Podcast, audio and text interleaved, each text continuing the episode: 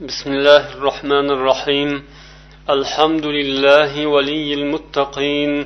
والصلاة والسلام على إمام الأتقياء والمرسلين أما بعد محترم برادر لر حرمت لي أبا سنجلر السلام عليكم ورحمة الله وبركاته bugun ulug' ramazonning yigirma yettinchi kechasi bu muborak kechada sizlar bilan o'tkazadigan suhbatimizni shoyatki taqvoli bo'lsalaringiz deb nomladik bu kalimani barchangizga ma'lum alloh taoloning baqara surasidagi kalimalaridan muqaddas so'zlardan iqtibos qildik alloh taolo siz bilan bizga ro'za ibodatini farz qilar ekan ana shu kalimalar bilan yakunlangan yakunlagan edi o'zining farmonini يا ايها الذين امنوا كتب عليكم الصيام كما كتب على الذين من قبلكم لعلكم تتقون ey iymon keltirgan insonlar sizlardan avvalgilarga farz qilingani kabi sizlarga ham ro'za tutish farz qilindi shoyatki taqvoli bo'lsalaringiz alloh taolo siz bilan bizni taqvoli bo'lishimizni istab ro'zaga buyurdi demak taqvo olloh huzuridagi eng noyob eng qimmatbaho va eng ulug' hislatdir alloh taolo bandadan istaydigan bandada hosil bo'lishini yaxshi ko'radigan fazilat taqvodir demak bugungi suhbatimiz taqvo haqida bo'ladi va u to'rt nuqta atrofida davom etadi birinchisi bandaning sharafi taqvo bilan deb ataladi ikkinchi nuqta taqvo nima degani uchinchisi taqvoning bu dunyodagi samaralari to'rtinchisi taqvoning oxiratdagi samaralari demak birinchi mavzu bandaning sharafi taqvo bilan haqiqatan ham alloh taolo bu dunyoda o'zi yaratgan bandalarni turli tuman qavmlar millatlar xalqlar qilib qo'ygan ekan ularning qaysi biri allohga endi yaqin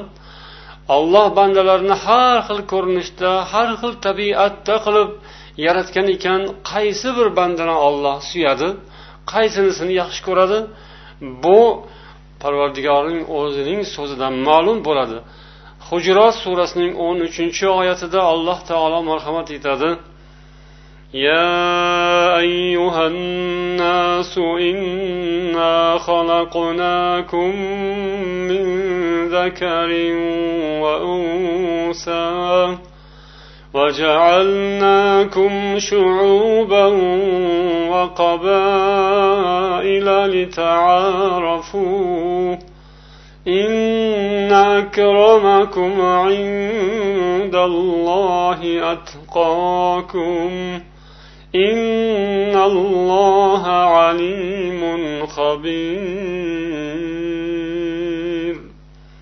ey insonlar biz sizlarni bir erkak va bir ayoldan يرتك va sizlarni turli xil qavm turli xil xalqlar va qabilalar qilib qo'ydik toki bir birlaringiz bilan tanishingiz shubhasiz sizlarning eng taqvoli bo'lganingiz olloh huzurida eng hurmatli bo'lganingizdir albatta olloh hamma narsani biluvchi har bir ishdan xabardor zotdir mana shu oyatdan ma'lum bo'ladiki alloh taolo yaratgan minglab millionlab milliardlab odamlarning ichida olloh uchun eng aziz bo'lgani olloh uchun eng hurmatli bo'lgan inson olloh huzuridagi eng taqvoli inson ekan demak bandaning taqvosining miqdoriga me'yoriga qarab uning olloh huzuridagi izzatu martabasi sharafi belgilanar ekan alloh taolo bu haqiqatni o'zining dini islom orqali o'zining so'zi qur'on va payg'ambari muhammad sollallohu alayhi vasallam orqali dunyo xalqlariga yetkazgan va oyatlarda juda ko'p bunga e'tibor qaratgan alloh taolo insonlarni haj ibodati bilan tanishtirayotgan paytda ham ularni safar tadorigini ko'rishga chaqirganda safarga ozuqa yo'l xarajatlari yo'l ozuqalarini g'amlashga chaqirgan paytda ham ozuqalarning eng yaxshisi taqvo ekaniga e'tibor qaratgan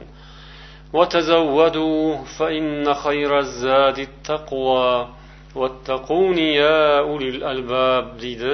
baqara surasining bir yuz to'qson yettinchi oyatida yo'lga tayyorgarlik ko'ringiz eng yaxshi tayyorgarlik taqvodir ey aql egalari mendan taqvo qilingiz degan demak tayyorgarlik ko'rish deganda ozuqalar xarajat yo'l safar uchun ketadigan xarajatlar mana shunga o'xshash narsalar moddiy narsalar nazarda tutiladi toki inson birovga qaram bo'lmasin odamlarning qo'liga qarab qolmasin yo'lda qiynalmasin uchun demak o'zini safarga tayyorlashi kerak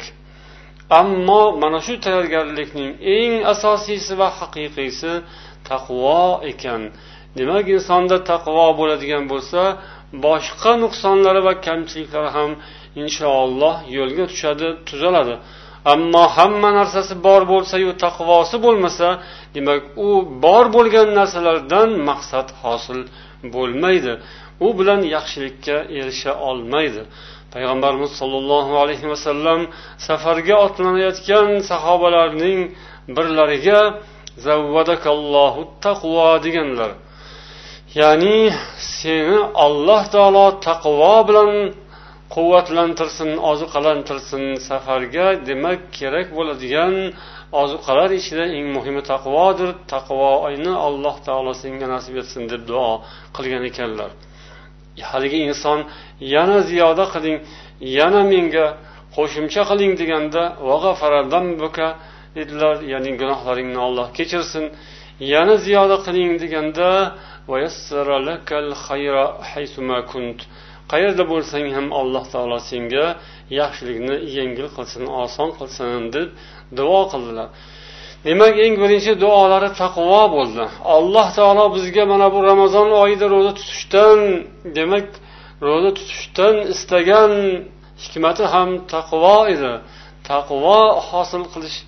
alloh taolo uchun eng mahbub holat edi taqvo esa inson hayotida nihoyatda katta ahamiyatga ega ollohning yordamiga insonni sazovor qiladigan muhim bir shart biz nusrat shartlari haqida suhbat qilganimizda ham ana shular ichida taqvo borligini taqvo alohida o'rin tutishini eslab o'tgan edik ammo uning sharhiga kirishishga imkon bo'lmagan edi mana bugun inshaalloh ana shu taqvo haqida olloh nasib etganicha sizlar bilan suhbatlashamiz taqvo inson hayotida muhim o'rin tutadi uning ham bu dunyosi uchun ham oxirati uchun kerak bo'ladigan eng zarur narsalarni hosil qilish vositasi mana shu taqvo orqali bo'ladi taqvo insonga nasib bo'lsa demak unga juda ko'p yaxshiliklar nasib bo'ladi taqvo shunday muhim narsa ekan demak uning ma'nosi nima degan savol tug'iladi taqvo kalimasi arab tilida yaqi kalimasidan olingan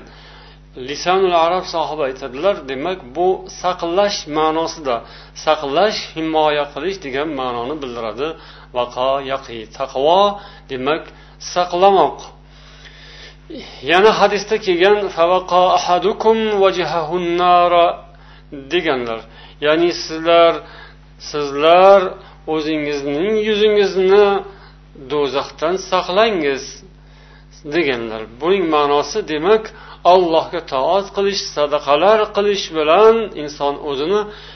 do'zaxdan qutqarish do'zaxdan saqlash himoya qilish degani bo'ladi insonning qilgan amallari yaxshi ishlari uning o'zi bilan do'zax o'rtasiga to'siq bo'ladi ana shu vositasida inson saqlanadi yana hadislarda payg'ambarimiz zakot olishga buyurganlarida va tavaqqa karaima amvalihim degan edilar ya'ni odamlarning mollaridan zakot olishda eng yaxshisini olishdan saqlangin deb buyurganlar mana shu yerda ham vaqo kalimasi ishlatilgan demak o'zagi taqvo bo'lgan kalima ishlatilgan saqlanish ma'nosini bildiradi tavaqqo ittaqo kalimalari bir xil ma'noda ishlatiladi deydilar lisonul arab muallifi demak taqvo inson saqlanmoq insonning biror narsadan saqlanishi degan ma'noni anglatar ekan yana bu borada mufassirlar va ulamolarning so'zlari ta'riflari nihoyatda ko'p bo'lgan taqvo kalimasini ham lug'aviy ham shar'iy ma'nolarini tushuntirib berganlar rivoyat qilinadi hazrati umar roziyallohu anhu ubay ibn kabdan taqvo haqida so'radilar shunda ubay ibn u kishiga javob berib aytdilarki ey amirul mo'minin agar siz tikonlar bilan to'lgan tikonlar bilan qoplangan yo'lga kiradigan bo'lsangiz nima qilasiz shunda umar roziyallohu anhu aytdilarki ha etagimni shimarib ehtiyot qilaman judayam hushyor bo'laman dedilar dedilar ana o'sha taqvo bo'ladi dedilar ya'ni chiroyli misol bilan taqvoni tushuntirdilar taqvo ehtiyot bo'lish saqlanish zarar kunanda narsalardan o'zini saqlashga demak taqvo deyiladi taqvo kalimasini tilimizda ko'p ishlatamiz lekin uning ma'nosiga chuqur ahamiyat bermaymiz uning ma'nosi qayerdan kelib chiqqan qaysi so'zdan olingan va lug'aviy ma'nosi nimani anglatadi ana shu lug'aviy ma'nosidan kelib chiqqan holda demak shar'iy ma'nosi ham anglashiladi bunga balkim ancha muncha odam ahamiyat bermas demak taqvoning asli ma'nosi kelib chiqqan o'zagi saqlanmoq degani holbuki ba'zi odamlar taqvo deganda o'zlariga qandaydir yoqimsiz his qilishadi taqvo degan narsa quloqlariga uncha yaxshi eshitilmaydi musulmonman deyishni yaxshi ko'radilar musulmon degan so'zni yaxshi ko'radilar ammo qandaydir o'rinlarda taqvodor degan so'zni ishlatadilar ya'ni boshqacharoq o'zlaridan boshqacharoq musulmonlar demoqchi bo'ladilar ba'zida insonlar holbuki musulmon degani eng yaxshi inson ollohga eng yaqin inson musulmon ammo musulmon deganda uning sifati muttaqiy taqvo bo'lishi kerak musulmon bo'ysungan odam allohga bo'ysungan odam allohga bo'ysungan odamning sifatlaridan biri esa taqvo taqvo degani saqlanish ya'ni yomonliklardan saqlanish yomon ishlardan shirkdan ma'siyatdan gunoh ishlardan jinoyatlardan saqlanish degani demak ana shunday yomon narsalardan saqlanib yura bilgan odam demak taqvodor bo'ladi taqvodor degan so'z demak arabchadagi muttaqiy so'zning tarjimasi bu diniga amal qiladigan islomga rioya qiladigan olloh qo'ygan chegaralarini rioya qiladigan hurmat qiladigan odam degani xuddi o'zi ubay ibn kabning misollaridagi haligi tikonli yo'lga kirganda inson o'zini qanday ehtiyot qiladi bu hayot yo'lida ham inson o'zini yomonliklardan ana shunday ehtiyot qilishi kerak holbuki u tikon kirsa ozgina og'risa ham keyin tuzalib ketar ammo hayot yo'lidagi gunohlar insonga yopishsa shirk yoki ma'siyat jinoyatlar insonga yopishadigan bo'lsa bundan qutulish osonlik bilan kechmaydi demak taqvoning ahamiyati nihoyatda yuqori hazrati ali ibn abi tolib roziyallohu anhudan taqvo haqida so'raldi u kishi dedilar attaqvo hiyal xavfu minal jalil val amalu bit tanzil val qanoatu bil qalil val isti'dadu li yawmir rahil deb javob berdilar ya'ni taqvo jalil sifatli ulug' rob parvardigordan qo'rqmoq va olloh nozil qilgan kitob bilan amal qilmoq olloh berganiga oz bo'lsa ham qanoat qilmoq va bir kun ko'chib ketiladigan kun keladi o'sha kun uchun tayyorlanmoq mana bu taqvoni tarifi qisqacha tarifi to'rtta kalima bilan taqvoga berilgan ma'no juda ham chuqur ma'no ya'ni taqvo birinchisi ulug' parvardigordan qo'rqish olloh doimo ko'rib turadi bilib turadi undan qo'rqmoq kerak odamlarni oldida ham hech kim yo'q yerda ham inson bir xilda bo'lishi kerak ana o'sha odam rostgo'y va taqvoli alloh taolodan chinakam qo'rqadigan odam bo'ladi ammo hayotda shundaylar ham uchraydiki ollohdan qo'rqqandan ko'ra ko'proq qo'rqiladi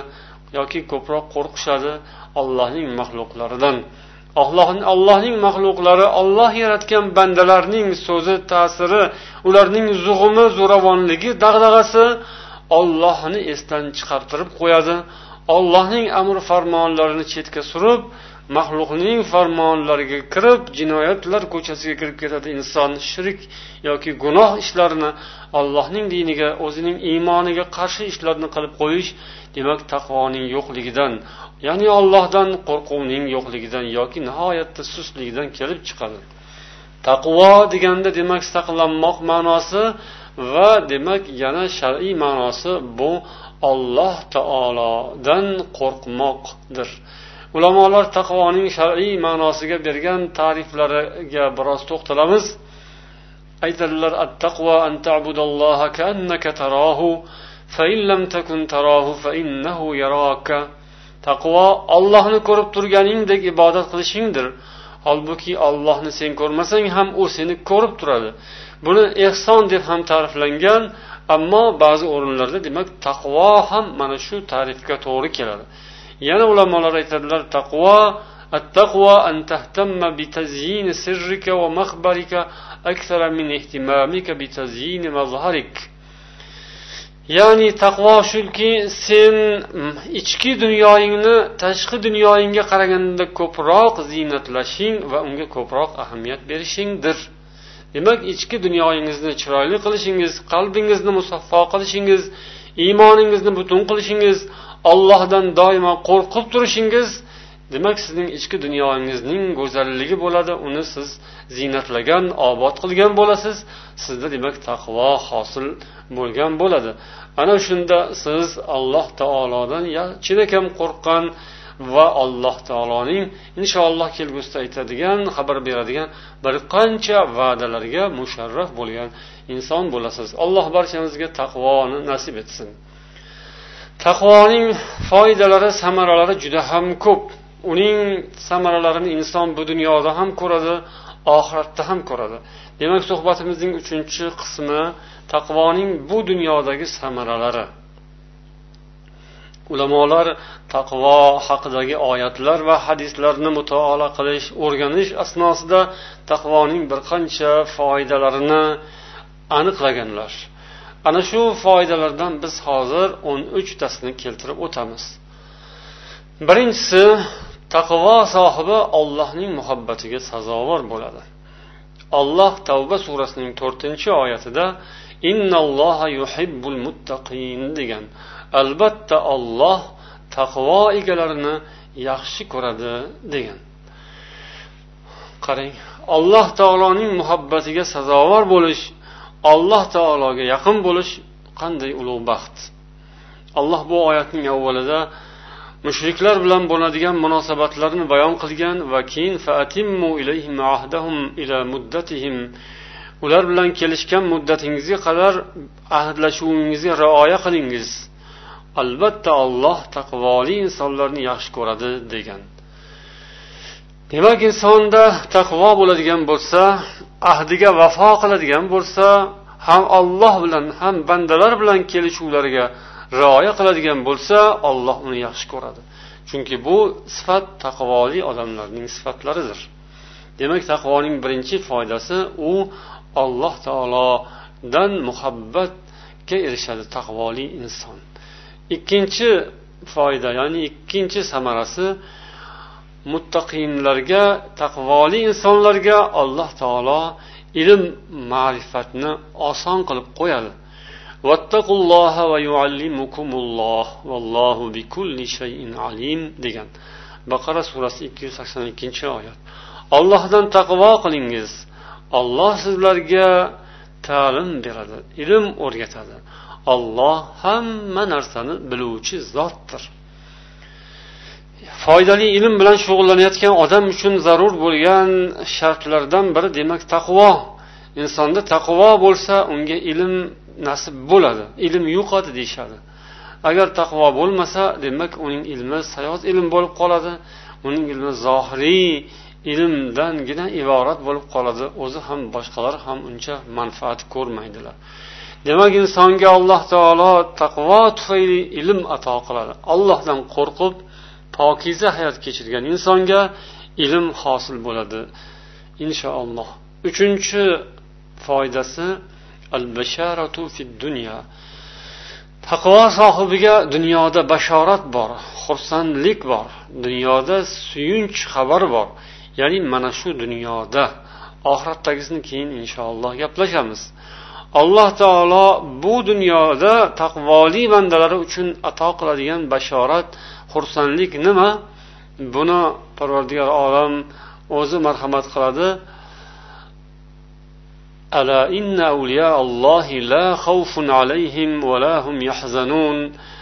ogoh bo'lingiz kim ollohning do'stlariga hech bir xavf xatar yo'q ular hech qayg'uga tushmaydilar الذين amanu وكانوا يتقون ular shunday zotlarki iymon keltirgan va taqvoli bo'lgan insonlardir lahumul bushro fil hayati dunya va fil axira ularga dunyo hayotida ham oxiratda ham xursandlik bor bashorat bor la tabdilali kalimatilloh ollohning kalimalariga biror bir o'zgartirish kirituvchi yo'qdir biror bir biror o'zgartirish kiritilmas zalika huval fawzul azim ana o'sha buyuk buyuk muvaffaqiyatdir mufassirlardan sadiy rahmaulloh bu dunyodagi bashoratni shunday tavil qiladilar fahiyat sanaul hasan bu yaxshi so'zlardir ya'ni taqvo sohibi haqida albatta aqlli odamlar va yaxshi odamlar haq so'zni to'g'ri so'zni chiroyli so'zni aytadilar unday insonni maqtaydilar yaxshi ta'rifini keltiradilar mo'minlarning qalblarida o'sha odamga nisbatan do'stlik va muhabbat paydo bo'ladi va ruya solihatu taqvoli odamga toza tushlar solih tushlar o'ngidan keladigan tushlar nasib bo'ladi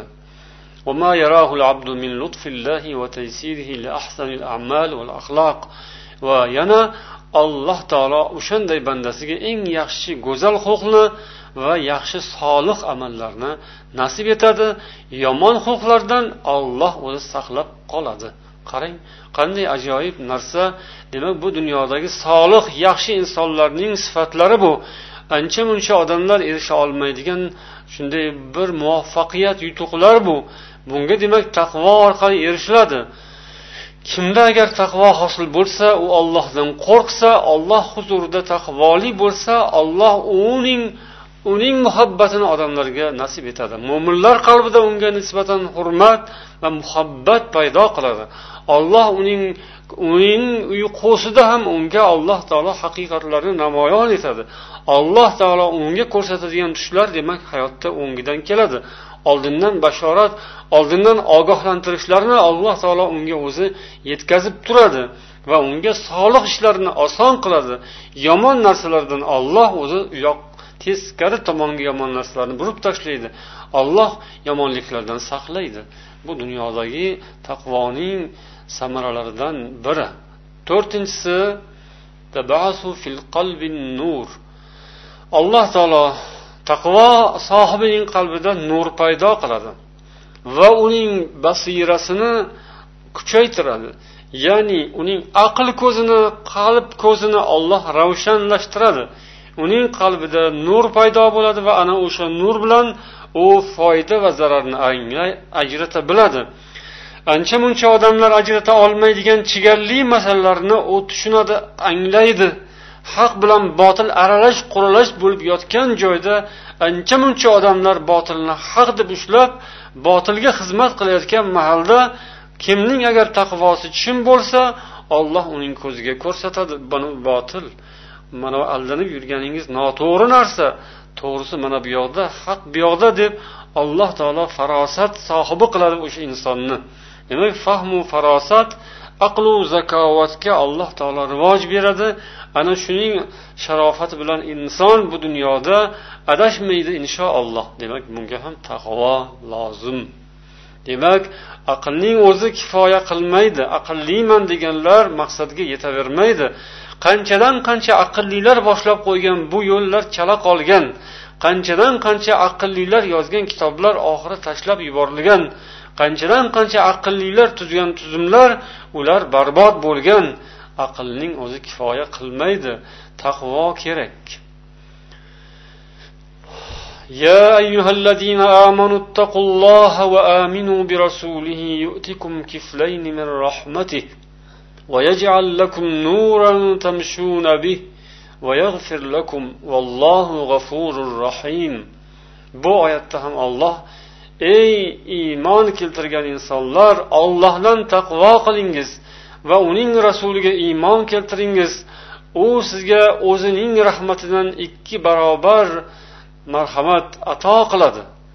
va sizlarga bir nur nasib etadi ato qiladi ana shu bilan siz hayot yo'lingizdan davom etasiz va sizlarning gunohlaringizni kechiradi olloh g'afurdir rahimdir degan demak taqvo egalariga alloh taolodan nur hadya bo'ladi ya'ni aqllariga aql qo'shiladi va ularning ilmlariga ilm ilmlardan esa foyda haqiqatan chinakam foyda nasib bo'ladi ular to'g'ri yo'lni ko'radigan insonlar bo'ladilar beshinchi samarasi alloh bandasiga shayton ustidan g'olib bo'lish quvvatini ato qiladi إن الذين اتقوا إذا مسهم طائف من الشيطان تذكروا فإذا هم مبصرون taqvo qilgan insonlarga agar shaytondan bir zarba yetadigan bo'lsa shayton ularga yopishadigan bo'lsa ular ollohni eslaydilar qarasangiz ular ular shunday haqni ko'rib turgan insonlarga aylanadilar demak haqni ko'rib darhol uni topib oladilar sal biroz g'ofillikka berilgan bo'lsalar shayton sal ularga ta'sirini o'tkazayotgan bo'lsa darhol allohni eslaydilar zikr qiladilar va ana shu bilanoq ular o'zlariga kelib oladilar shaytonga taslim bo'lmaydilar shayton ularga so'zini o'tkaza olmaydi shayton insonning eng katta dushmani va u yonma yon yuradigan dushman u uzoqdagi dushman emas u dunyoning narigi chetida yashaydigan dushman emas u shunday o'zining yonida o'zining shahrida o'zining uyida o'zining ichida yonma yon yashaydi shayton hikmat allohning hikmati shuni taqozo qilgan olloh insonning sinovi uchun har bir insonga bittadan shayton yaratib qo'ygan va buning ogohini ham olloh bergan taqvoga chaqirgan agar siz taqvo sohib bo'lsangiz shayton sizga ta'sirini o'tkaza olmaydi shaytondan omon bo'lib yurishingiz uchun zarur bo'ladigan aslahani alloh taolo himoya vositasini alloh taolo sizga ko'rsatib qo'ygan bu nima bu taqvo oltinchi nuqta muttaqiylar maizalardan va yaxshi so'zlardan manfaat oladilar shunday ollohning oyatlaridan payg'ambar so'zlaridan eng ko'p bahramand bo'ladigan va eng ko'p foyda oladigan insonlar bular taqvodorlardir agar insonda taqvo bo'lsa ollohdan rostdan qo'rqsa faqat tilida emas yolg'iz qolganda ham o'zi bilan o'zi bo'lganda ham ollohdan qo'rqsa u odamga qur'on foyda beradi u odamga hadislar foyda beradi u odamga nasihatkor qiladi u yaxshi so'zning qadriga yetadi illo yaxshi so'zning qadriga yetmaydi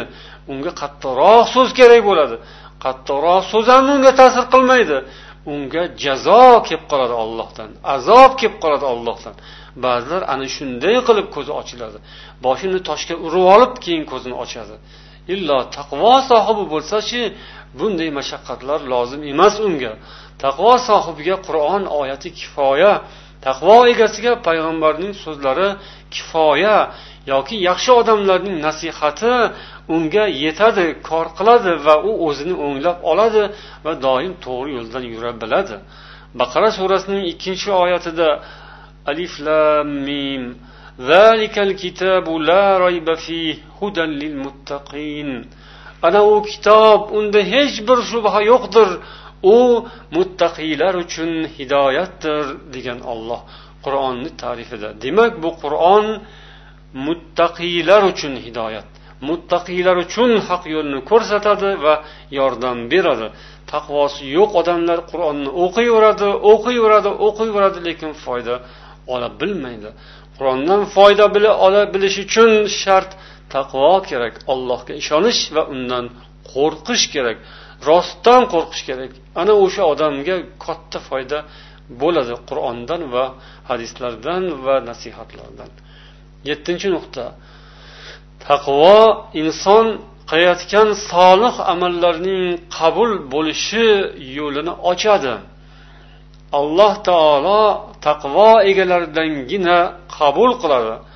odam otamizning ikki o'g'illariga olloh uchun qurbonlik qilish ehson qilishga buyurildi biri buni xursand bo'lib alloh taologa taqvosi iymoni bilan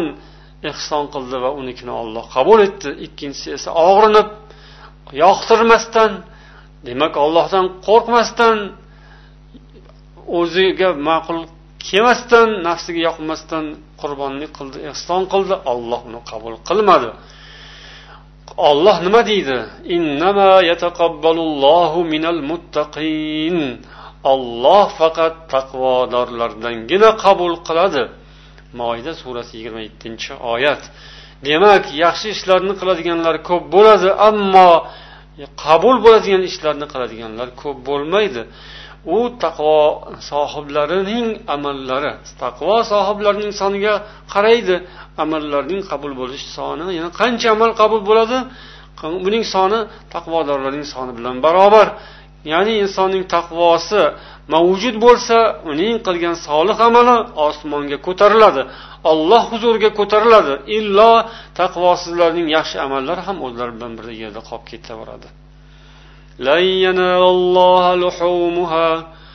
لن ينال الله لحومها ولا دماؤها ولكن يناله التقوى منكم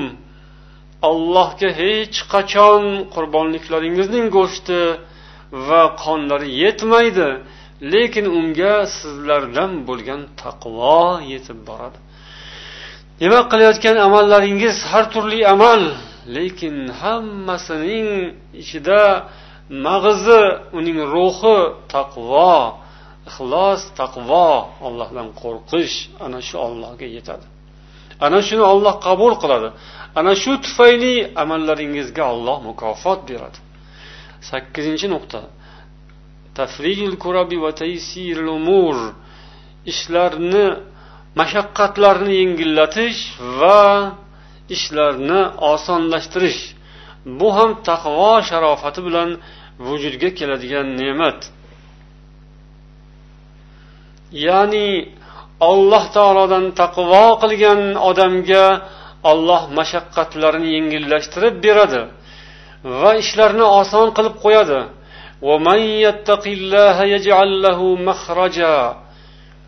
kimki ollohdan taqvo qilsa olloh unga bir chiqish yo'lini ato qiladi ya'ni mashaqqatlardan chiqish yo'lini ato qiladi ko'rsatadi taloq surasi ikkinchi oyat kimki ollohdan taqvo qilsa olloh unga uning ishida yengillik ato qiladi taloq surasi to'rtinchi oyat فَأَمَّا مَنْ أَعْطَى وَاتَّقَى وَصَدَّقَ بِالْحُسْنَى bas kimki ollohga ollohga o'zining narsalarini taqdim etsa olloh yo'liga ehson qilsa ollohdan taqvo qilsa go'zal kalimani tasdiqlasa bas biz unga yengillikni muyassar aylaymiz deydi layl surasining yettinchi oyatida to'qqizinchi nuqta alloh taqvo sohibini dushmanlarning makru hiyla va zulmlaridan himoya qiladi وإن تصبروا وتتقوا لا يضركم كيدهم شيئا إن الله بما يعملون محيط agar sizlar sabr qilsangiz va taqvo qilsangiz ularning hiylalari sizga zarar yetkazmaydi albatta olloh ular qilayotgan ishlarning hammasini o'rab turuvchidir deydi oli imron surasi bir yuz yigirmanchi oyatda alloh taolo taqvo sohiblarini o'zi himoya qiladi albatta buning uchun taqvo sohiblaridan sabr lozim ya'ni bu ishlar oson narsa emas yengillik bilan hal bo'ladigan narsalar emas dushmanlar ham aqlsiz emas anoyi emas ularning qilayotgan makr hiylalari yoki zulmlari ham nihoyatda jondan o'tib ketadigan darajagacha olib borishadi ammo taqvo sohiblari ana o'sha nuqtagacha sabr bilan turishlari va yo'llarida davom etishlari kerak ollohdan qo'rqib turishlari kerak faqat ollohning o'zidan qo'rqishlari va boshqa chora tadbirlarni ko'rishlari olloh ko'rsatgan yo'ldan sabot bilan sabot matonat bilan oldinga qarab yurishlari kerak keyin olloh mana bu va'dalarni ularga nasib etadi sabr qilsangiz ollohdan taqvo qilsangiz ularning hiylasi sizga ziyon yetmaydi zarar qilmaydi olloh hamma qilayotgan ularning hamma ishlarini bilib turadi nimaiki zarar yetgan bo'lsa olloh yozgan o'sha yetadi siz shunday deb tushunishingiz kerak oh voh qilishingiz kerak emas oxirida siz zarar ko'rmasdan chiqasiz ozgina zarar ko'rganday bo'lasiz ularning ko'zida shunday ko'rinadi odamlarning ko'zida yoki iymoni iymoni hamin qadar bo'lgan odamlarning ko'zida voy zararlarga qolib ketdi ko'p narsa yo'qotdi oh voh judayam yomon narsa bo'ldi xuddi demak bor butidan butun dunyo va oxiratdan ajralib qolayotganday o'zini u yoqqa bu yoqqa tashlab va diniga ham iymoniga ham zarar yetkazadigan so'zlarni aytib yuboradigan odamlardan bo'lmasangiz sabr qilsangiz allohdan taqvo qilsangiz alloh taolo ular qilayotgan kaydikorlarni kirdikorlarni hiylalarni makrlarni olloh o'zi daf etadi olloh xohlagani yozilgani olloh yozgani bo'ladi alloh taolo yana o'zining bandalarini himoya qiladi ularni zararlardan ofatu balolardan himoya qilib haq yo'lini olloh davom ettiradi ana shunday insonlar taqvoli insonlar orqali ular vositasida alloh taolo ularning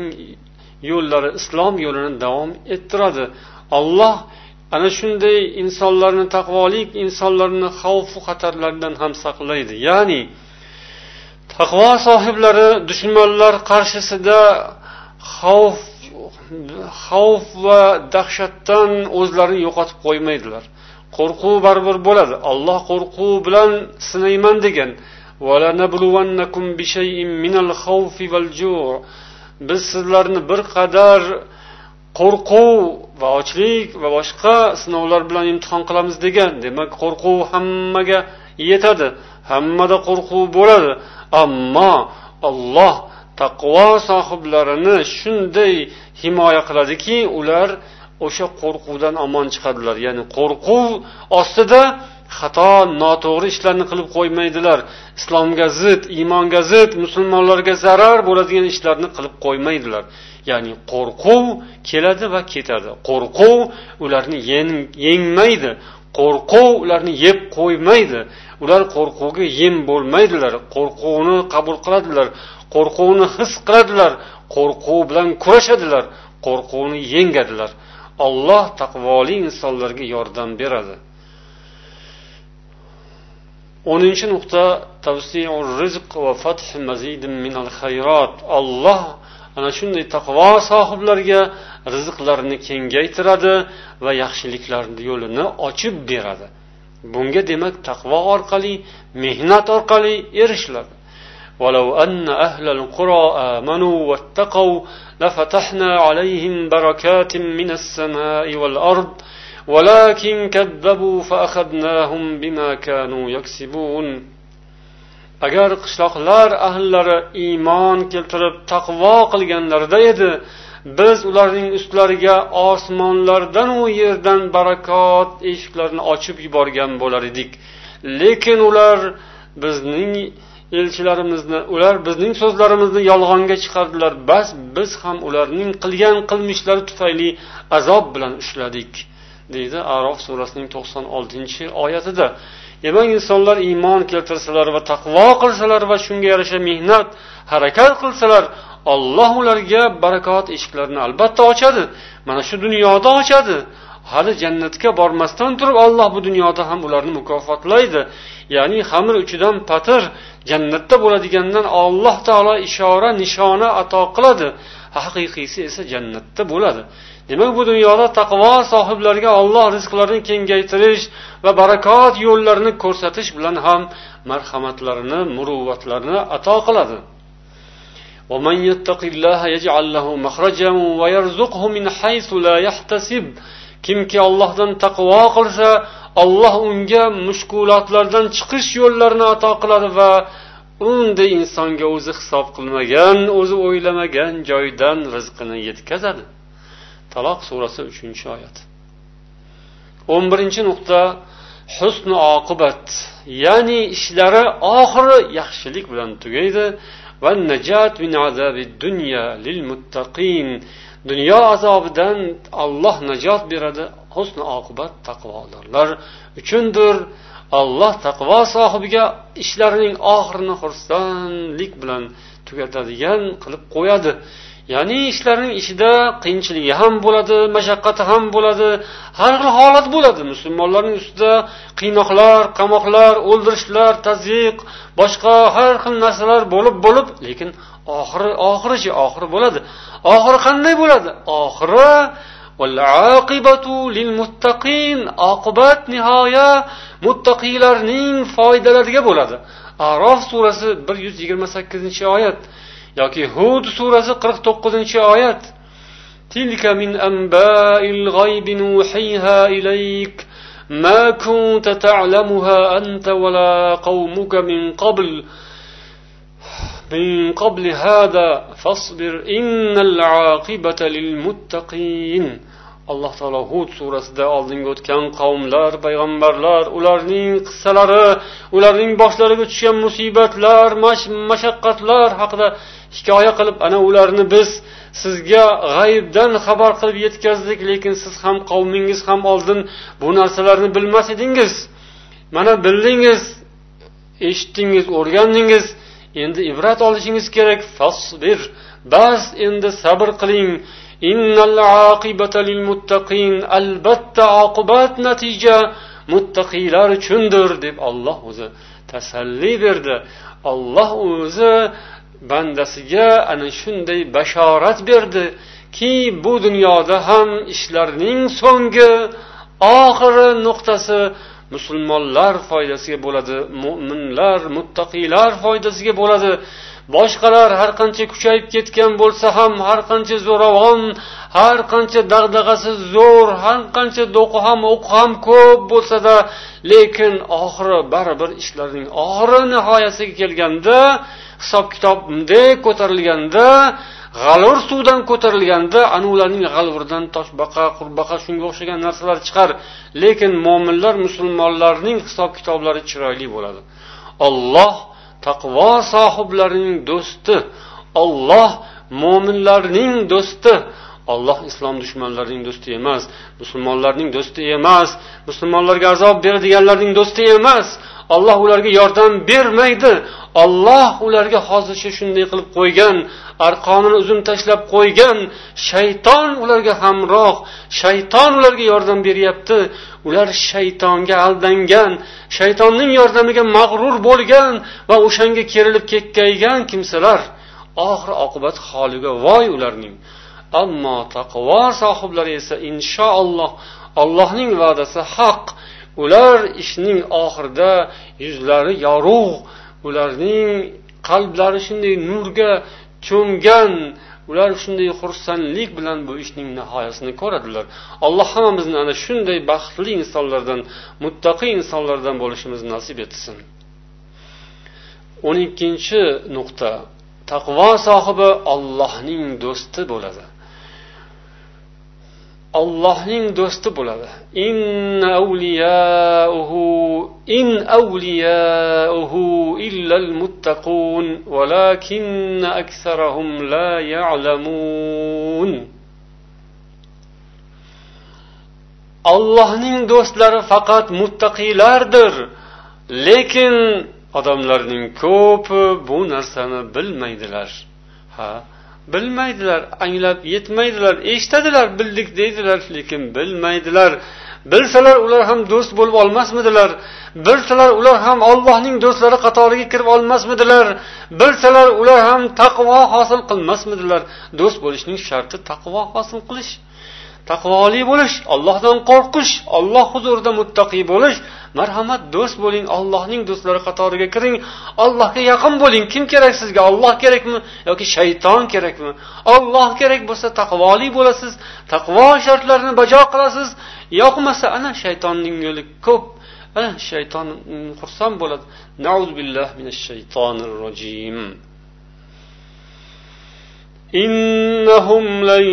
يغنوا عنك من الله شيئا وإن الظالمين بعضهم أولياء بعض والله ولي المتقين ular sizga Allohdan o'tib hech narsa qilib bera olmaydilar albatta zolimlar bir birlariga do'stdirlar olloh esa muttaqiylarning do'stidir josiya surasi o'n to'qqizinchi oyat ألا إن أولياء الله لا خوف عليهم ولا هم يحزنون آگاه بولینgiz kim ollohning do'stlariga hech bir xavf xatar yo'q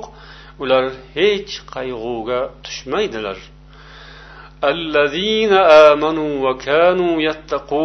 ular shunday zotlarki iymon keltirgan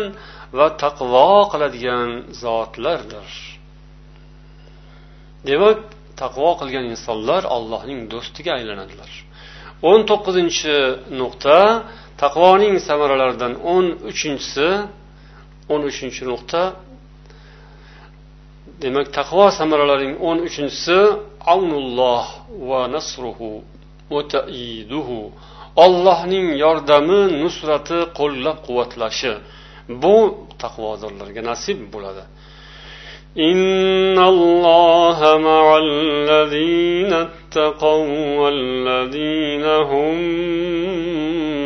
muhsinun albatta olloh taqvo qilgan insonlar bilan muhsin bo'lgan insonlar bilan birgadir nahl surasi bir yuz yigirma sakkizinchi oyat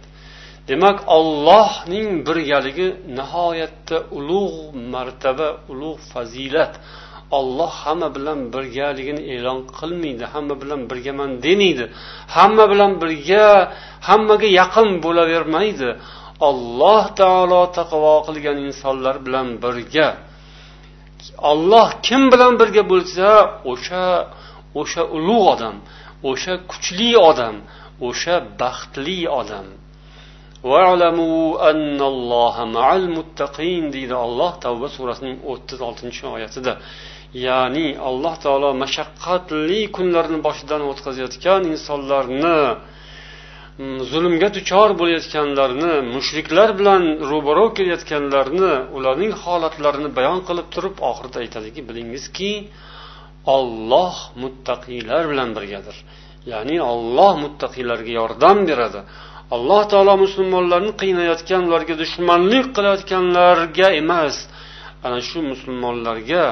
shunday mashaqqatlarga duchor bo'layotgan qiynoqlarga azoblarga qiyinchiliklarga sinovlarga imtihonlarga duchor bo'layotgan mo'minlarga olloh nusrat ato qilishini va'da qiladi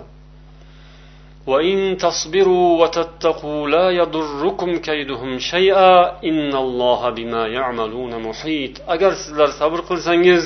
va taqvo qilsangiz ularning makrlari hiylalari ham sizga zarar qilmaydi olloh albatta ularning qilayotgan ishlarini o'rab oluvchidir bir yuz yigirmanchi oyat oli imron surasi yana oli imron surasining bir yuz yigirma beshinchi oyatida ham bala in tasbiru va tattaqu agar sizlar sabr qilsangiz va taqvo qilsangiz alloh taolo sizlarni maloikalar bilan qo'llab quvvatlaydi yordam ato etadi kuchlantiradi olloh sizga nusrat ato qiladi degan va'dalarni yuborgan fussilat surasining o'n sakkizinchi oyasida ham degan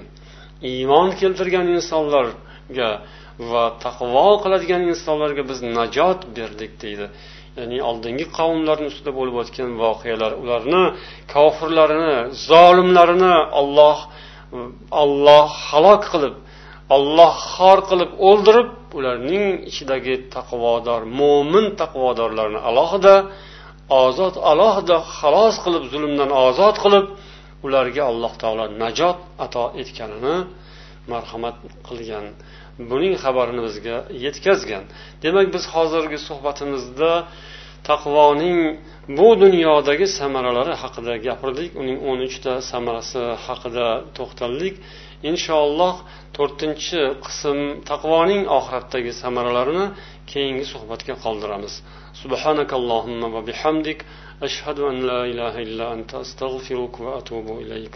assalomu alaykum va rahmatullohi va barakatuh